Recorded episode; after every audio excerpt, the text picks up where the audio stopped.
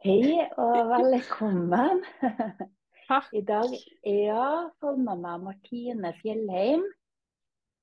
Har du Mm. lyst til å presentere deg sjøl? Si litt hva du driver med? Ja. Og det er litt sånn Du vet når folk liksom spør sånn her eh, Ja, hvem er du? Hva er det du holder på med, da? Så er veldig mange svarer liksom Å, jeg jobber med det, og jeg gjør det. Og... Så jeg tenkte um, kanskje jeg skal unngå å liksom hoppe rett inn i hva jeg gjør liksom, av arbeid, og heller prøve å fortelle litt om meg selv. Ja, det elsker jeg. Ja, um, hva skal jeg si da? Jeg er jo egentlig sånn her en multilidenskapelig vesen, egentlig. Jeg har eh, tusenvis av hobbyer og har lyst til å gjøre alt. Lyst til å hjelpe hele verden.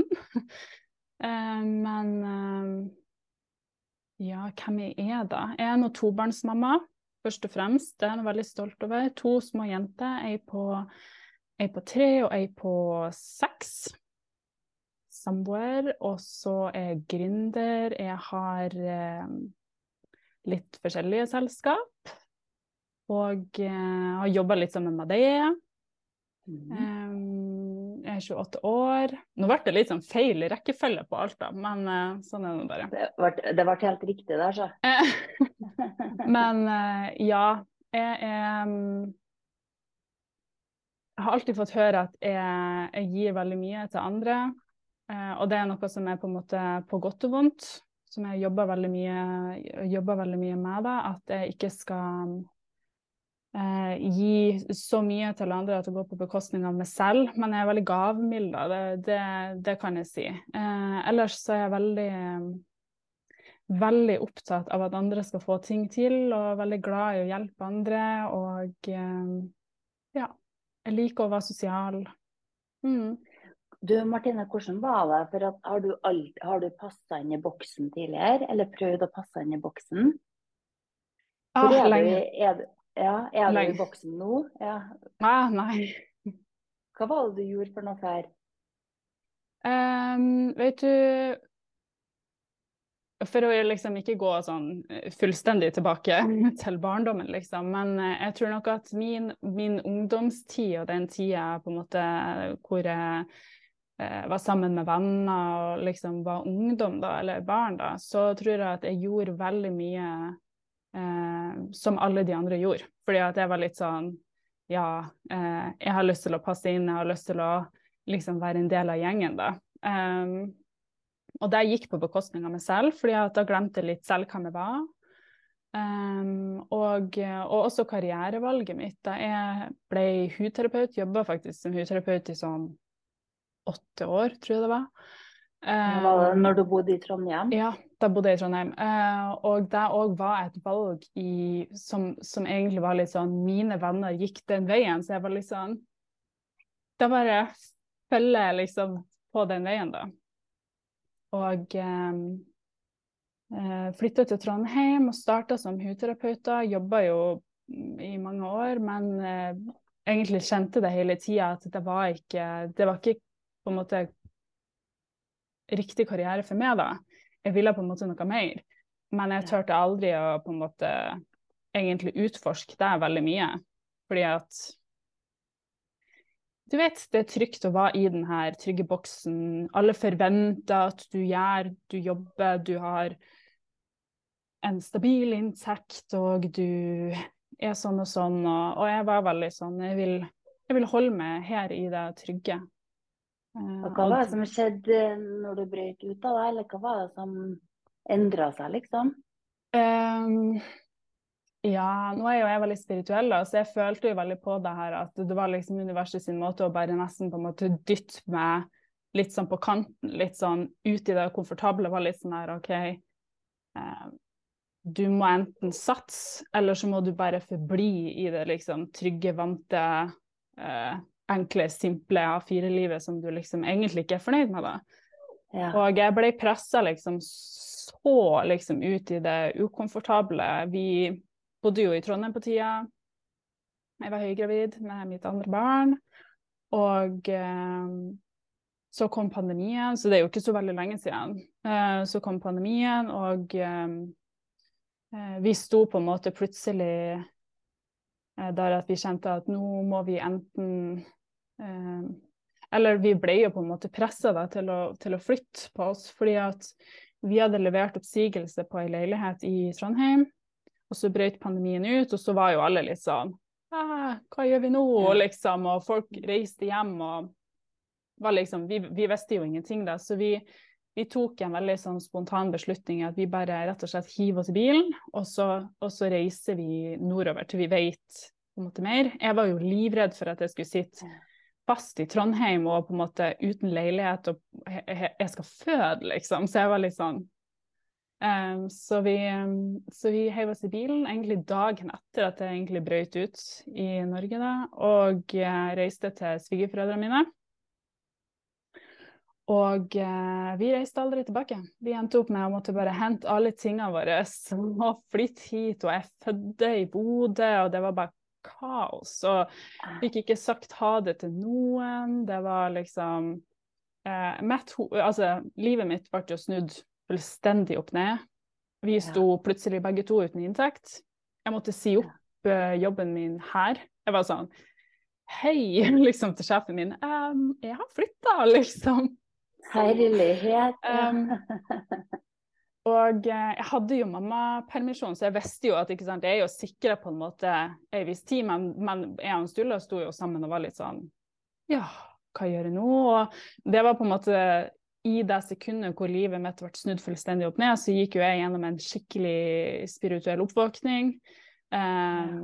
Og um, jeg føler jo kanskje at jeg var på en måte universet sin måte å være litt sånn OK, her har du muligheten. Nå kan du, nå kan du utforske litt. Hva er det du vil? Hvem er du? For jeg, jeg ble jo sittende litt i den posisjonen der jeg begynte liksom å tenke sånn Ja, OK, hvis jeg ikke skal fortsette som en hudterapeut, hvem er jeg da? Hva er det jeg vil, liksom?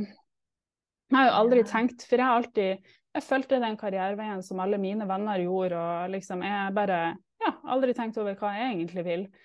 Så det var ukevis og kanskje månedsvis med introspekt, prøvde å finne ut av hvem jeg er, hvem jeg egentlig er. Eh, hva det er jeg vil. Um, og uh, ja, jeg tror det var det som på en måte dytta meg på kanten da, til å faktisk satse. Og det er uh, Det høres kanskje lett ut, men det var ikke en lett avgjørelse. Det var mange lag med frykt. Det var barrierer som måtte knuses. Det var um, impostersyndrom, og det var så mye som, som jeg måtte liksom kjempe meg gjennom da, for å klare å, å ta det valget.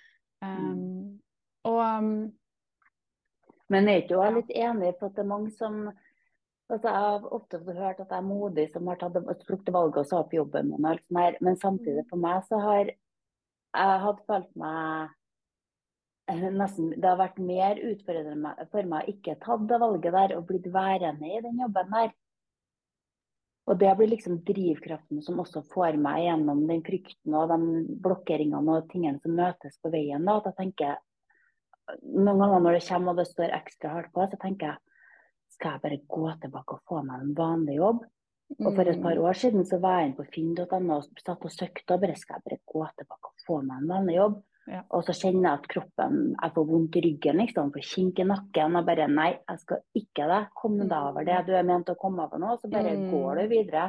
Og så er det jo alltid en forløsning rett etter at det står på som oh, verst. Ja, ja, ja. Sånn, wow. Ja. Jeg er så glad jeg bare holdt ut. ja. Jeg har hatt masse sånn Jeg kan huske i den, akkurat i den perioden hvor jeg og Sturla var litt sånn For sånn, jeg har ikke gjort det her alene. Jeg har en fantastisk samboer som har støtta meg hele veien. Han var han var veldig usikker i starten når jeg liksom ble sånn Å, jeg er spirituell? Eller han var litt sånn OK. liksom. Ja, for han, han, er ikke spirituell? Jo, han er det nå. Han er òg Ja, han er det. Har han blitt det? ja, ja, ja. Han, men det er jo noe med det. Hvis du ser en person som du elsker, bare forandrer seg fullstendig til det bedre, og du, du, blir inspirert av ting de sier og ting de gjør, og sånt, og så blir du litt nysgjerrig sjøl. Så han er nok ikke den som er, som er litt sånn her tar et kort og fullmåne og nymåne, liksom, ritual. Altså, så han er litt mer sånn her um, Han er litt mer sånn at han, han ser, ser, mønster i ting som har skjedd i livet, og han, han stoler veldig på at det ordner seg. Og han er veldig sånn skikkelig sterk som bauta, da. Um, men det, Ja, men det jeg skulle si, det var at um, det var en periode da hvor uh, vi var litt sånn Skal vi skal vi satse eller ikke? Jeg var veldig vi, Han har vært på en måte sterkere enn jeg har vært i det. da. Han har vært litt sånn Det ordner seg, jo, det er ikke noe Jeg har vært, hatt veldig problemer med eh, det å være synlig og bli dømt av andre og liksom ta det steget, da. Og da var det noen som ringte meg uh, akkurat idet jeg skulle ta det steget. Sånn som du sa, du sitter med en sånn Herregud, hvem er det jeg tror jeg er? Kanskje jeg bare skal ta en vanlig jobb? så ringte det noen og tilbød meg en jobb som hudterapeut. Ja. I, I, der du bor nå? Ja. Og, um, og, jeg var så nærme å ta den jobben. Jeg var sånn Herregud. Altså, å se tilbake på det, så er det jo jeg, jeg, tror jo at det er på en måte en test da, fra universet. Litt sånn Er du klar? Sånn, er du klar til å ta det her steget, da? Um, for jeg har liksom fått flere sånne tester der, der jeg liksom er jeg er på tur inn i noe nytt, og så bare detter hele livet mitt ifra hverandre, og så bare Men sånn, er du klar, liksom? Skal bare teste om du er 100% klar. Og eh, jeg var veldig nærme å ta den jobben, og når jeg takka nei til den jobben, da, så bare starta alt. Bare åpna alt seg. Så, så, det var liksom en åpning da, i at jeg, jeg tok den satsen og sa nei. Men litt sånn som du sa, den her jeg, jeg, fikk, jeg ble så kvalm med tanken på å skulle gå tilbake mm. til kunne jeg, gjort, eh, kunne jeg gjort det liksom for å tilfredsstille hodet og bekymringene og litt sånne der ting, men det hadde, mm. men, det hadde jo vært døden for sjelen min, tenker jeg da. Det menneskelige inni meg var veldig sånn stabilitet, supert.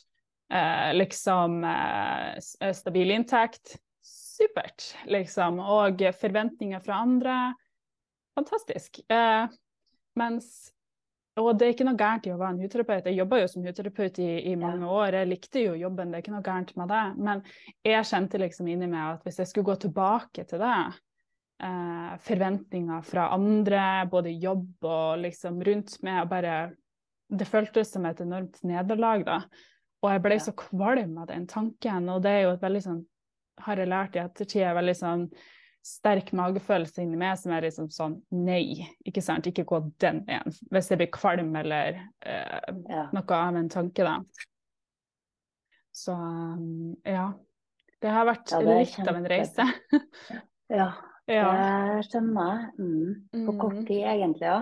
Veldig kort tid. Det er egentlig hele mitt liv har snudd seg opp ned på veldig kort tid. og jeg kan møte mennesker nå som er litt sånn Ja, hva faen, hva skjedde med det, liksom? Ja. Bare Jeg har ikke peiling. Du var jo liksom Du var jo bare Du skulle være mamma, du, og stabil og inni den her boksen, og hva skjedde med det, liksom? Nå er du ute i skauen og jakter månelys, liksom. I don't know. Nei, det kan være litt skummelt for folk som ser, står rundt og ser på bare wow, her skjer det noe. liksom, Jeg vet ikke hva det her er, for det er jo så langt utenfor boksen. Å ja, ja, ja. Folk blir redd på um, Det jeg merka, var jo det at veldig mange på en måte utafor på en måte med Stula da, har vært veldig redd for at herregud, dere har to barn, dere må jo ha en sikker inntekt, hva skal du gjøre? Har du ikke en plan B?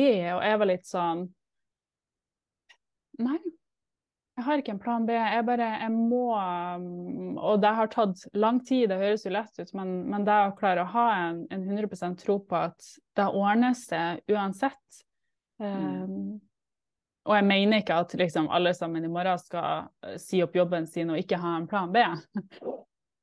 Men um, ja, for meg så, så, var det det som måtte til for at jeg faktisk skulle klare å, å satse. Ja. Mm. Og det er jo viktig tenker jeg, å ha et mål med det man gjør. Da, at man, for at når jeg sa jobben min først, så var jeg bare sånn her Yes, her ordner seg. Da hadde jeg jo akkurat hatt en spirituell oppvåkning. Jeg bare, mm. jeg støtta av universet. Jeg bare følger hjertet mitt nå. Sa opp jobben. Og så gikk jeg gjennom en skilsmisse rett etterpå. Og så ble, ja. da, da, kom, da, kom, det og tok meg. Da ble det sånn Farsken, jeg må faktisk ha en vanlig jobb her. Ja, jeg får bare ja. sjelen min til side, så får jeg ordna meg en vanlig jobb. Og så gjorde jeg det. Fikk jeg meg en mm. vanlig jobb, og så kjente jeg jo med en gang at nei, vet du en ting, nå holder jeg på å tulle meg bort her igjen. Så jeg hadde den jobben i mm. tre, tre måneder, tror jeg, og så sa jeg den opp. Men da hadde jeg en litt mer plan, og så har det bare utfolda seg ettersom jeg starta, Ja. starta ja. Men Mm. var du spirituell før? Før den oppfatninga? Jeg var så uh, mot, Altså, jeg var motsatt. Jeg har ei søster, eh, flott søster, som hadde en periode når jeg var Jeg var ungdom, så bodde jeg veldig mye hos dem. Um, fordi det var, det var vanskelig hjemme. Uh, og eh, hun, de ble på en måte som en familie for meg da. Uh, og hun gikk igjennom Hun hadde en spirituell oppvåkning, så hun, hun var spirituell uh, en god periode. Og jeg husker jeg var helt sånn She's crazy. Uh, yeah. Og jeg husker jeg og søsknene mine vi gjorde narr av henne og bare Hun snakka om karma, og hun hadde krystaller, og vi var helt sånn «Hoho», Liksom. Flira hun. Um, og så, så la hun det faktisk på si, og ble nesten Ble nesten på en måte eh, litt sånn jeg vil, jeg vil ikke si at hun gjorde narr av folk som var spirituelle, men hun var litt sånn oh, Been there, done that, liksom. Eh, Ja. Fordi hun hadde ingen støtte rundt seg. Hun hadde ingen som, som på en måte På den tida, det er jo lenge siden, så var det ikke sånn som det er nå, at 80% av befolkninga er spirituell, liksom. Eh, sånn at eh, det er jo annerledes nå. Og hun gikk faktisk gjennom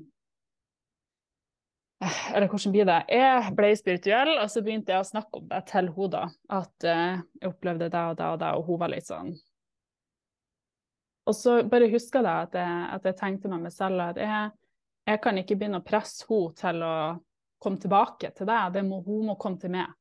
Og da gikk det faktisk ikke så veldig lang tid før hun ringte meg og var litt sånn Så jeg har bestilt med kurs i healing, liksom. Og jeg var litt sånn Yeah! She's back. um, så um, Men uh, nei. Jeg, jeg, jeg, var motsatt av spirituell, og den spirituelle oppvåkninga jeg hadde, var ekstremt eh, eh, spontan og ekstremt intens. Og jeg gikk fra null til eh, full pupp på ekstremt kort tid. Som òg jo var på en måte kanskje en grunn til at han Stula var litt sånn Hva egentlig skjer her? Liksom. Um, så ja. Jeg tror det er mange som har det sånn der ute at partneren ikke nødvendigvis er det. Min, mm. Samboeren min er ikke spirituell, selv om jeg er sånn som jeg er, men han er veldig mm. åpen og har et veldig Jeg trodde jo at han var spirituell for det synet han har på ting, men han har ikke det mm. samme synet på livet etter døden og litt sånne ting. Da, som, det tenker ikke han Ja. Mm. Men jeg tenker at det er viktig å ha en partner som støtter seg. da. Han trenger ikke nødvendigvis å være spirituell, men at han liksom respekterer ditt syn og støtter deg. Herregud, han har vært en enorm støtte i forhold til at jeg har starta for meg sjøl. Mm. At du har liksom noen, en bauta som står der, og mm. når du har lyst til å gi opp, liksom, så har du, har du noe som står der og dytter deg videre. Og så er det jo litt sånn jeg tror veldig mange som blir spirituelt kan kjenne seg igjen i at du kommer inn i en Etter at du på en måte kanskje har hatt litt sånn her uh, dark night of the soul, livet er liksom i kaos, da, så kommer du inn i bliss, og da blir du litt sånn Du må fortelle alle om det her. Hvorfor gjør du ikke sånn, og du må gjøre sånn, og du må sjekke ut det her, og du må høre hva han sier. Uh, og jeg gikk inn i en sånn periode med en stuelag der jeg liksom, skulle prøve å få han til å bli spirituell. Jeg var liksom Du må prøve! uh, for jeg på en måte forsto at det er ikke min plass. Det, det, er Alle andre må bare få lov til å det er, Alle har en egen reise de skal gjennom, og eh, jeg kan ikke Jeg kan ikke begynne å presse noen til noe som helst, men man vil Det har gjort så mye for meg. Jeg har ikke lyst til å dele med det. Men eh, det går ikke. Man kan ikke gjøre det. Nei. Nei. De kommer etter, så når de ser at det er positive endringer, så vil de jo åpne seg på andre måter, om det er spirituelle eller ikke. Absolutt. Men, men mm. apropos Dark Night of the Soul, Martine. Mm. Det lurer jeg på, var det et øyeblikk? For at det der har jeg aldri skjønt. For jeg føler at det var de 36 første årene i livet mitt, føler jeg var det Dark Night of the Soul. Mm, var det kan... sånn til deg òg, eller hadde du Nei, eh, det, er, det, kan være alt ifra sånn som jeg har forstått det, er liksom fem minutter til ti år. Altså det er, det er en periode man på en måte må gjennom før man før man på en måte virkelig setter seg ned og er litt sånn Hva i faen er det egentlig jeg holder på med? Hva er det her, liksom? Det her er Livet mitt er så dritt. Eh, til du kommer til et punkt der du er litt sånn Men hvis det er noen som skal gjøre noe med det, så er det jo meg. Eh, så det er den bryteren som snur, som er litt sånn her Nei, vet du hva, hvis, hvis, ting skal endres, så må det starte meg med og du begynner å gå litt innover. Og for meg så var det um, en dag. Det var en dag jeg bare En dag. Jeg mista det fullstendig. Kasta ting rundt meg. Jeg hyla. Jeg var helt sånn her Følte at livet mitt var um, Det var litt sånn hvis noen hadde dytta meg ned fra en klippe, så hadde det vært OK, liksom. Eh, for jeg følte at det kan aldri gå oppover, det kan aldri bli bedre.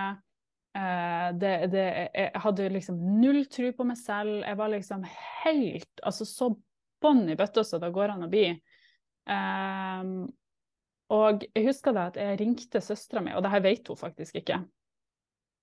Um, jeg ringte henne. Jeg satt på badegulvet og hyla og jeg skrek. Og jeg, jeg, jeg ringte henne og tenkte jeg Hvis hun tar telefonen nå, så Hva var det, da? Ja, hvis hun tar telefonen nå, så skal jeg fortelle henne alt, liksom, hvordan jeg har det og sånt. Og jeg var sånn, jeg blir sikkert lagt inn på psykiatrien. Jeg bare, hun jobber i psykiatrien, forresten. Og jeg var, jeg var, helt sånn her, hvis hun tar telefonen, så kommer jeg til å bare uh, Og så tok hun ikke telefonen.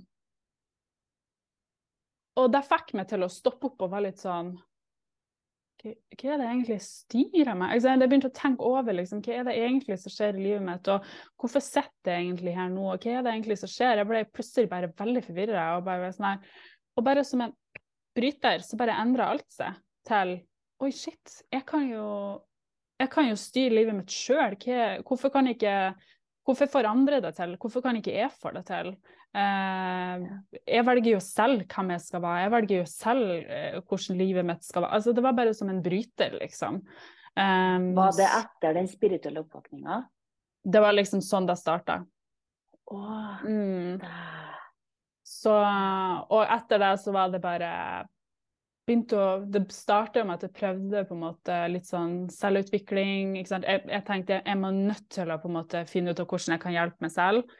Uh, og det var selvutvikling og liksom dypere og dypere og dypere. Og uh, ja, så finner du ting som resonnerer med deg, ikke sant? som, du, som du, du, kjenner deg liksom inni det. Du blir sånn her varm når du hører dem snakke om det. Du blir sånn 'Å, herregud, det er akkurat sånn som jeg har hatt det.' Og så uh, føles det som at du blir på en måte en del av et sånn community der liksom alle, alle forstår hverandre, da, liksom.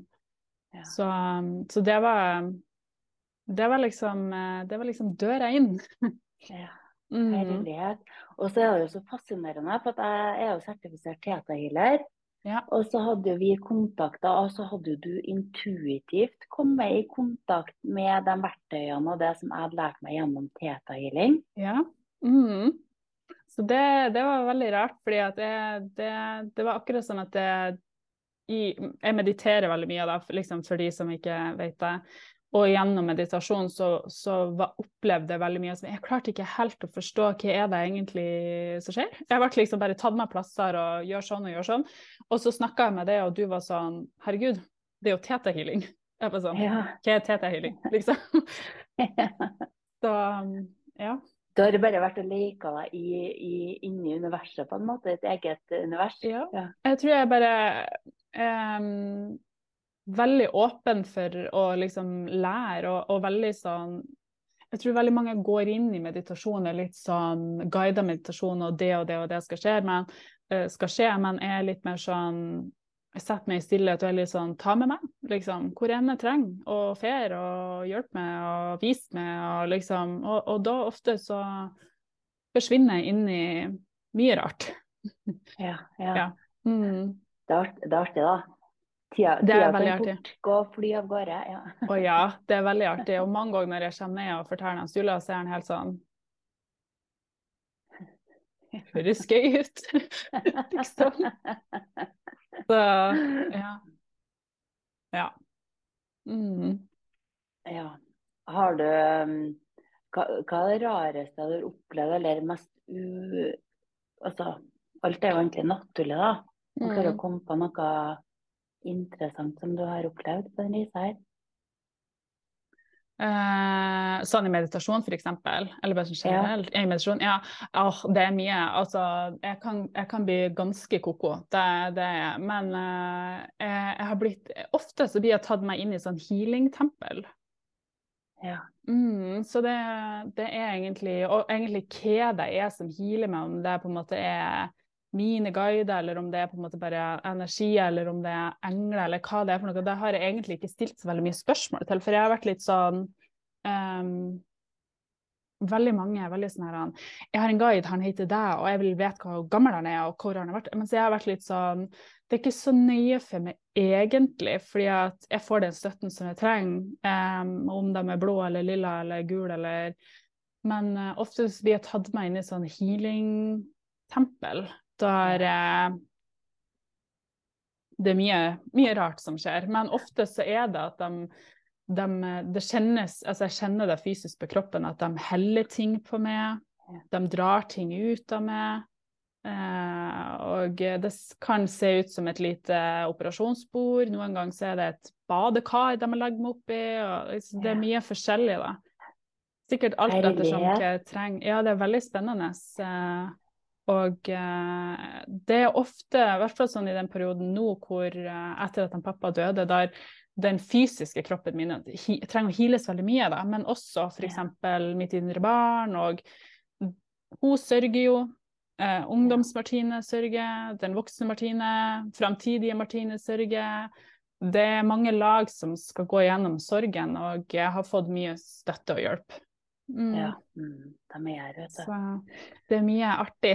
mm. Det er det. Jeg husker rett Mm. etter at jeg fikk oppvåkninga mi. Jeg hadde prøvd i mange år og meditert. For før det så hadde jeg jo mye tankekjør og mye angst og depresjoner. Så prøvde jeg å Mm. meditere, og jeg klarte ikke. Jeg ble jo rasende for at folk bare Du skal bare ligge og være stille, og så Ja. skal du slappe av. Bare kødde med meg, eller er det her go- Så kjedelig. Ja, ja. Og så fikk jeg oppvåkninga, og den skjedde jo på et sekund til meg. Og så Mm. kjente jeg bare intuitivt, for jeg skal meditere nå.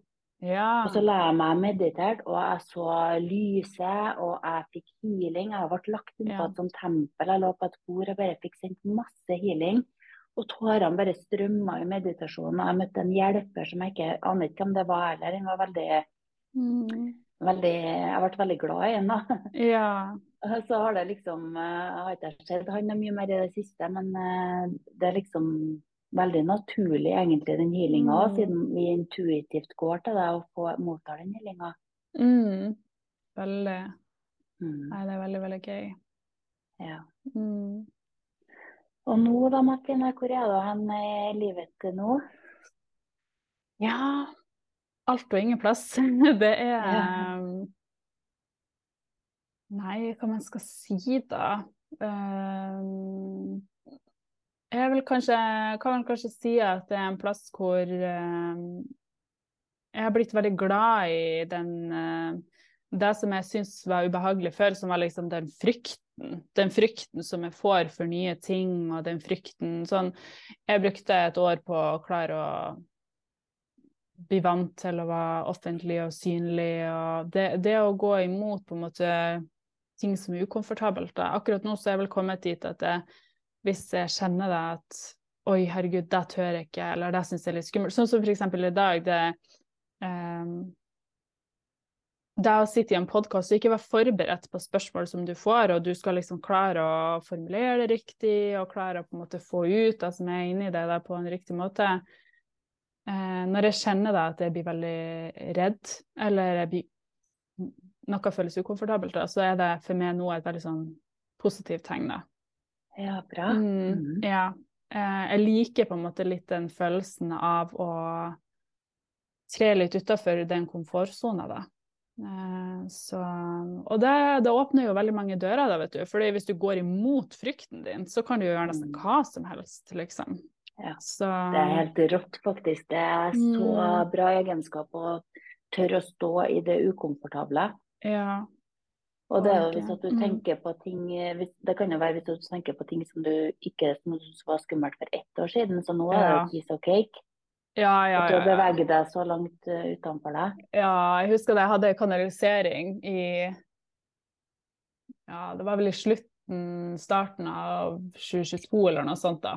Eh, og da sa han liksom sånn her Du kommer til å se tilbake på den og den datoen, og så kommer du til å tenke herregud, hvorfor var jeg så redd? Hva var det egentlig jeg var så redd for, da? Og, eh, og det er sant, fordi det er som hvis jeg nå ser tilbake på det, så tenker jeg liksom Altså, det har jo ikke vært noe annet enn bare kjærlighet, uansett hva jeg liksom har lagt ut, uansett hvor offentlig jeg har vært eller noe sånt. Så um, nei. Det Ja. Og så har ting endret seg veldig mye for meg, egentlig, etter at pappa døde òg, som er jo ikke så veldig lenge siden. Men det, det, det satt på en måte en liten gnist i meg, da, som jeg egentlig tror kommer fra han. Eh, som, eh, som har gjort at jeg er blitt enda mer sånn her Enda mer sånn her Ja, litt tøff, kanskje, og selvsikker. Mm.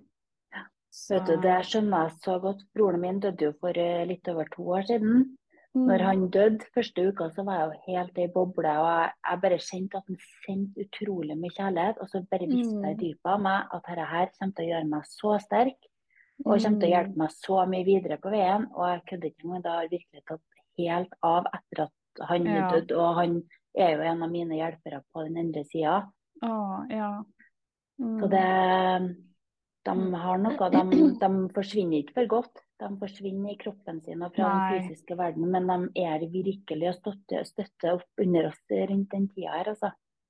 Ja, og jeg tror òg bare den Bare måten han gikk på, altså måten han døde på, var liksom for meg litt sånn her um, Kanskje Det ga meg på en måte en Hva skal jeg si det? Mer liksom da. Og jeg ble på en måte mer bevisst på at herregud, vi må liksom Vi må leve i dag, fordi at Ja. du aner aldri, da. Eh, så Nei. mm, Nei, for det er noe med det at vi vet jo, du òg tror jo på liv etter døden, og at vi reinkarnerer og kommer tilbake, men allikevel Mm. så er det det livet her vi lever nå.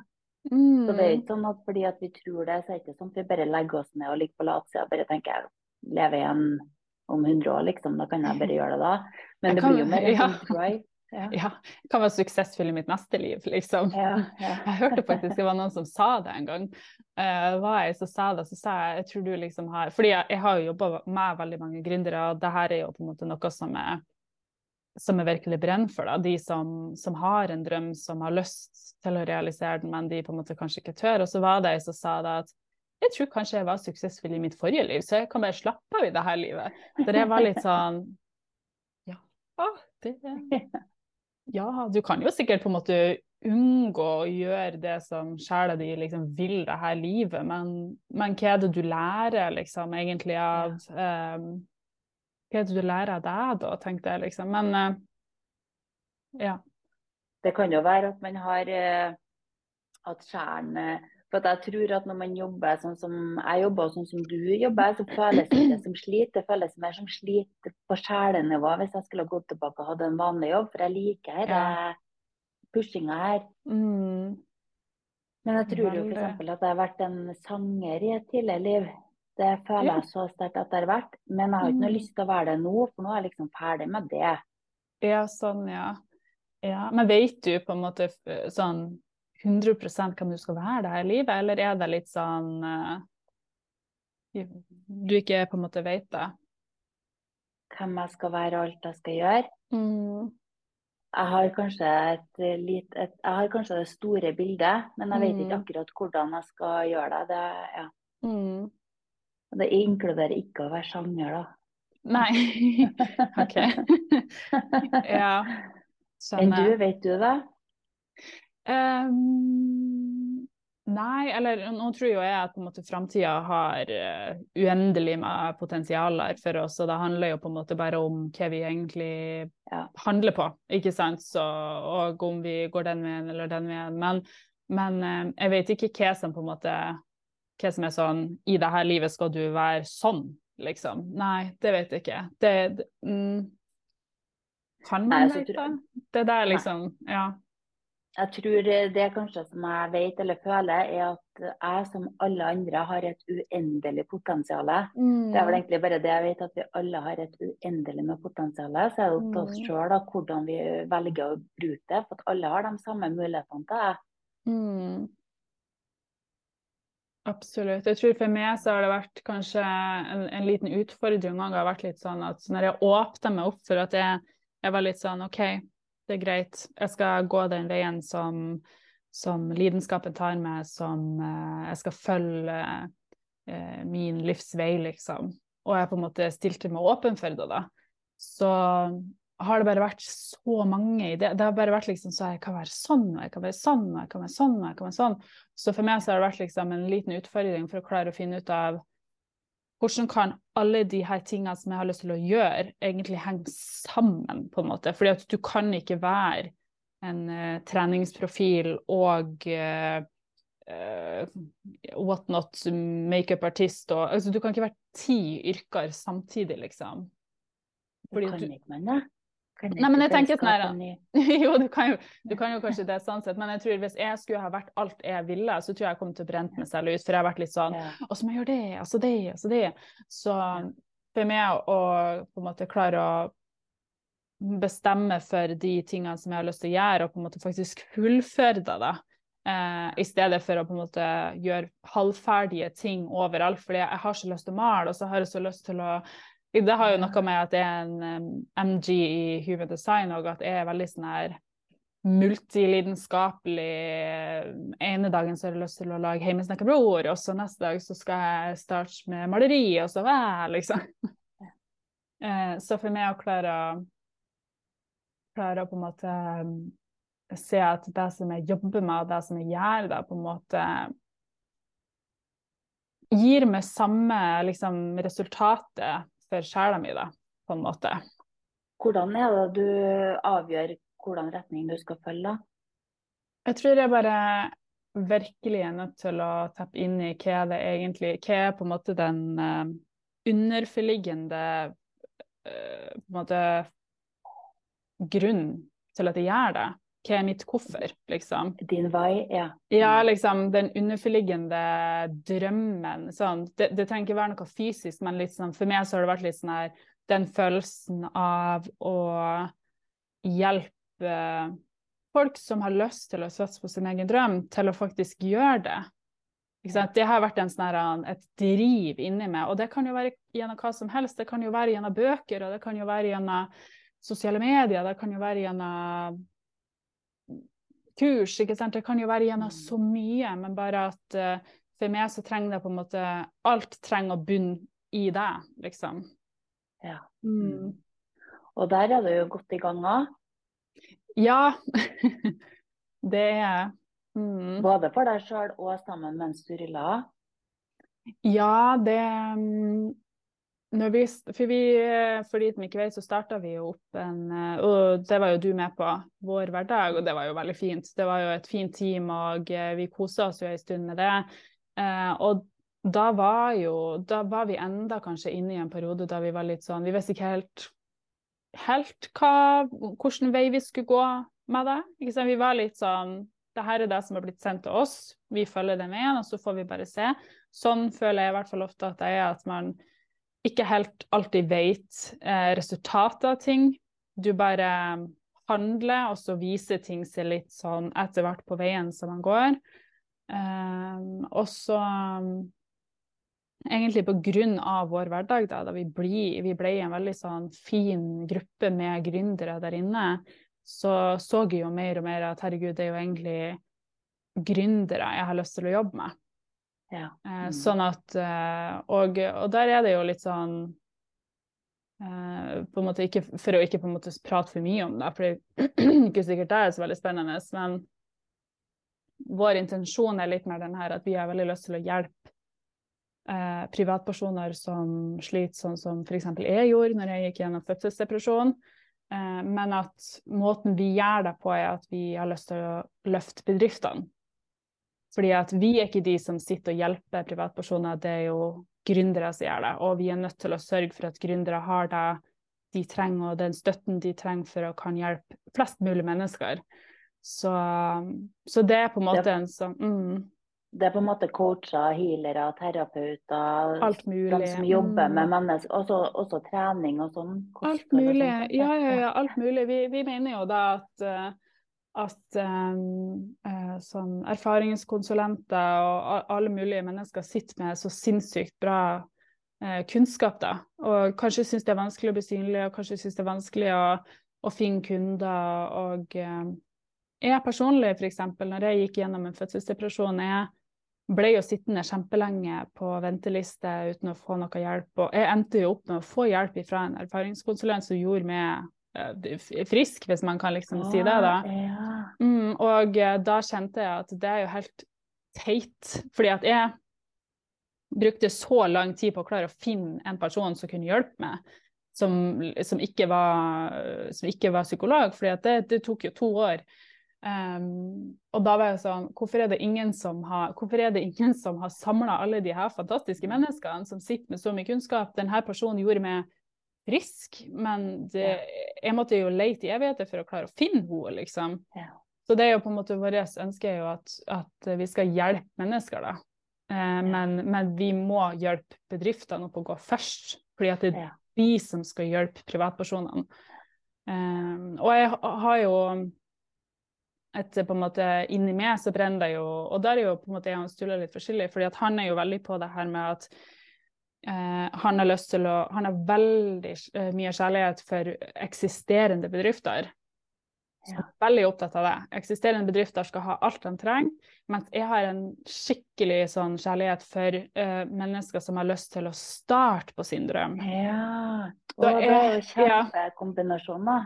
ja. Ja, så jeg er veldig sånn Vi er nødt til å gjøre det enkelt for folk å på en måte å, starte på sin drøm. Vi er nødt til å gjøre det gratis. Folk må få, lov, må få muligheten til å, eh, til å liksom prøve podkast og prøve alt mulig forskjellige ting. Da, og liksom finne ut hvem de er, og, faktisk leve av det. Da.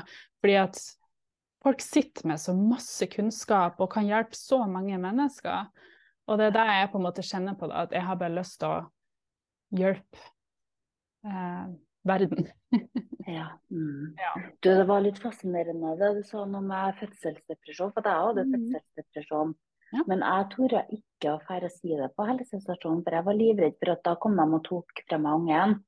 Ja. Men jeg ble veldig sånn, det gikk jo over av seg sjøl etter lang tid. Men da ble det sånn jeg, Mm. og sa at jeg, jeg, jeg ringte og sa til alle vennene mine folkens, jeg har hatt fødselsdepresjon, dere kan få det. For de var gravide etter meg. Så bare her er tegnene, liksom. Bare vit Ja. at det er vanlig.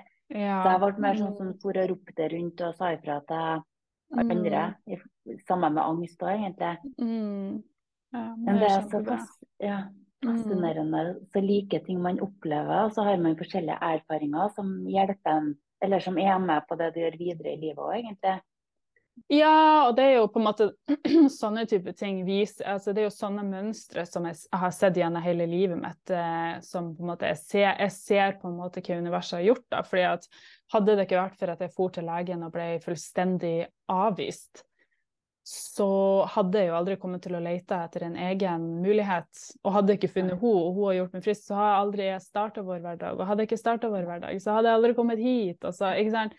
Du Ja. ser um, sånne ringvirkninger i nesten alt du gjør. Og det som er negativt òg Altså, jeg har sittet så mange ganger i denne reisen og skreket mine modigste tårer og vært helt sånn Hvorfor skjer det her? Og liksom ikke forstått og sånt noe. Og går videre og kan snu meg tilbake og si at ah, det skjedde fordi at det måtte skje. Og jeg lærte Ja. det av deg. Og det er Jeg tror at når du har kommet dit at du kan snu det, og du kan se at eh, det, det, det var forferdelig, men det skjedde for en grunn, Ja. da tror jeg man har kommet ganske langt. Og da Det tror jeg det gjør det lettere. For nå når noe veldig negativt skjer, så eksempel pappa, grusomt. Eh, men eh, jeg kan fortsatt, uansett hvor fælt det er, stå på en måte rak i ryggen og si at jeg vet at det skjer for en grunn. Jeg vet at det var meninga at det skulle skje. Og eh, livet er ikke urettferdig, liksom. Og eh, jeg, jeg, jeg er ikke bitter, jeg er ikke sint. Jeg, ikke, jeg, forstår at det skjer for en grunn. Eh, Mm. og det er Mange blir nok eh, veldig sint forståelig nok, um, Mm. som opplever fæle ting, og eh, liksom får høre at andre sier at ja, men det skjer for en grunn. Um, så det har jeg veldig forståelse for, men, men jeg tror at hvis man kommer dit at man klarer å ja, akseptere, så tror jeg Jeg er at helt, eh, ja. jeg er helt enig med deg, Martine. mm, Lillebroren min døde jo plutselig, av plutselig hjerteinfarkt for eh, to år siden, og det kom jo helt brått på og ja. Men med en gang jeg klarte å akseptere det der, og, og bearbeide sorgen og alt, det var da jeg virkelig så hvorfor det skjedde òg. Jeg så Mm, grunnen. Så det, mm, de følelsene det er, når vi blir, vi, det er jo lett å havne i den offerrollen der, ikke sant? Det er jo naturlig. Men det, det å bli bevisst på det og vite at vi har faktisk krefter i oss til å dra oss ut av det og mm, bearbeide det, sånn at vi kan få det godt mm. for vår egen del og for dem Ja. rundt oss sin del. da. Absolutt. Og, og det er for dem som på en måte hører på sånn, er litt sånn åh, jeg kan ikke, jeg kan ikke bare begynne å liksom mm, si at uh, det som skjedde med meg, det skjedde for en grunn, og, og liksom Jeg har veldig forståelse for at folk på en måte syns at, at det blir litt for uh, Det blir litt for rått, på en måte, å skal akseptere at noe fælt skjedde. Eh, så, så det er på en måte kjenne på at livet er urettferdig, og at, at, det, er, at det er veldig kjipt da, når ting skjer. Det er lov. Ja. Absolutt. Og det er òg viktig å akseptere at nå er det dritt, liksom. Ja, det er lov. Uh, så ja. Mm. Mm. Ja, nei, Mm. har du noe avslutningsvis, Martine, som du har lyst til å Som du har på hjertet? På hjertet? Ja. Nei, hva skal det være, da? Nei, jeg vet ikke. Jeg har følt litt sånn på, på samme måten som jeg har vært og ropt rundt til vennene mine om angst og depresjon og litt sånn der, så har jeg Mm. det samme med i forhold til klarsynthet, at eh, det finnes et liv etter døden, og at det går an til å være en healer, eller ja.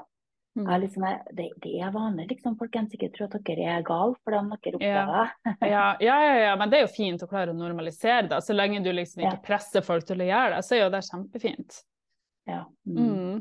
Og det er jo på en måte kanskje det jeg òg prøver på. Det er jo liksom mer bare det at Å få folk til å på en måte forstå at hvis du sitter med en idé eller en drøm, eller, eller du kjenner at du har en lidenskap inni det for å gjøre noe annet, så er det, det er lov å handle på det. Liksom. Du kan hoppe ut av denne boksen. Ja. Um, uh, og du trenger ikke være alene, for mange er jo livredd, sånn som jeg var, liksom. Så Ja. mm, ja. Hvor, hvis det er noen som hører på nå som har lyst til Ja. å finne deg en plass, Martine, hvor finner de deg hen da? Um, overalt. Nei da, men uh, jeg legger ut mest egentlig på Martine Fjellheim på Instagram. Jeg er nok ikke den flinkeste til Eller jeg prøver å bli flink. Um, jeg har jo eh, ja, før brukt Instagram mer som en sånn her personlig greie. Um, prøve, jeg prøver å finne Det synes jeg er litt vanskelig. Jeg prøver å finne min plass inne på Instagram. Hvem jeg er, hva skal jeg dele? Martine Eh. sin stemme. Ja, men det er litt sånn Jeg snakka faktisk med Stule om det i stad. Vi satt og spiste frokost i dag. Så sa jeg det at eh, jeg, jeg har ikke lyst til å gjøre så mye, og så vet du at folk sier sånn Å, du må nisje ned, hvis ikke så blir folk forvirra, og du må liksom sånn. Så jeg har vært veldig sånn her Hvem er jeg? Jeg har jo så mange hobbyer, og så mye jeg har lyst til å dele, og jeg er jo, jeg er jo gründer. Blir det for mye på en måte jobbprat, eller um, er den morsomme, liksom? Hvem, Følg er hjertet ditt. Du har alt. Følg hjertet ditt, så Ja. de, vil de riktige for deg finne deg. Det kommer ikke, du går ikke an til å være for mye. Nei, jeg har kanskje på en måte begynt å innse at eh, jeg, jeg tror at bare det å være aktiv for meg egentlig er veldig sånn eh, eh, skritt frem. Så, men Instagram er nok på en måte der hvor folk eh, hører mest ifra meg. Ellers er det jo LinkedIn. Jeg har jo hjemmeside som ligger i, på Instagram med det som jeg tilbyr av ting og tang. og ja. Ja, du har Mm. jo du har også noen e-bøker og nyhetsbrev som man kan melde seg på. Ja, Klikk på hjemmesida. Mm, jeg har, um, har starta egentlig nylig et nyhetsbrev hvor jeg, jeg kjenner da at jeg bare har lyst til å eh, bare sånn på veien del, og det er jo gratis, ikke sant. Bare sånn um, gi gratis um, på en måte e-bøker, ting som er lære, tips og triks og motivasjon og uh, uh, på veien. Og hvis det er noe nytt som skjer, hold folk oppdatert på deg og sånt noe. Og, um, men det er jo bare en sånn Det er ikke en daglig greie. Jeg har tenkt å på en måte gjøre det sånn uh, det kommer hver helg, sånn at man har noe å gjøre den uka. Mm. Ja, bra. Mm. Ellers så er det jo e-bøker alt ifra eh, spiritualiteter. Jeg har sånn nymåne- og fullmåneritualer som man skal følge. De 12-13 eh, nymånene og fullmånene som er. Um, og sånn gründerrealisering, e-bok, som, som, er på en måte Ja, det er på en måte sammensatt av alt som jeg selv har vært igjennom for å klare å komme på en måte dit som er i dag, med frykt den er, og mm. Den har jo jeg òg lest. Du har jo den. Det har ja. jeg. Ja, den er kjempebra. Der står det oppsummert eh, skritt og veldig viktige elementer i den gründerreisen her. Mm -hmm.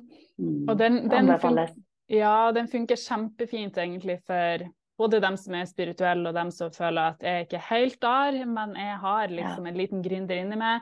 Um, så det er veldig fint, fordi at vi, vi, er, vi, er, forskjellige, men vi er ikke så forskjellige. Vi sliter ofte med det samme, og, og den kan være en fin måte å bare ja, klare å komme seg litt mer ut. Ja. ja. Enig. Anbefales. Mm. Ja. Nei, så bra. Tusen takk for at du har vært med, Martin. Det var så koselig å prate med deg. Ja, det var kjempekoselig. Tusen takk for at jeg fikk komme. Ja, snakkes vi. Mm. Tusen takk til alle som har hørt på. Så høres vi igjen snart. Bye! Ha, ha det!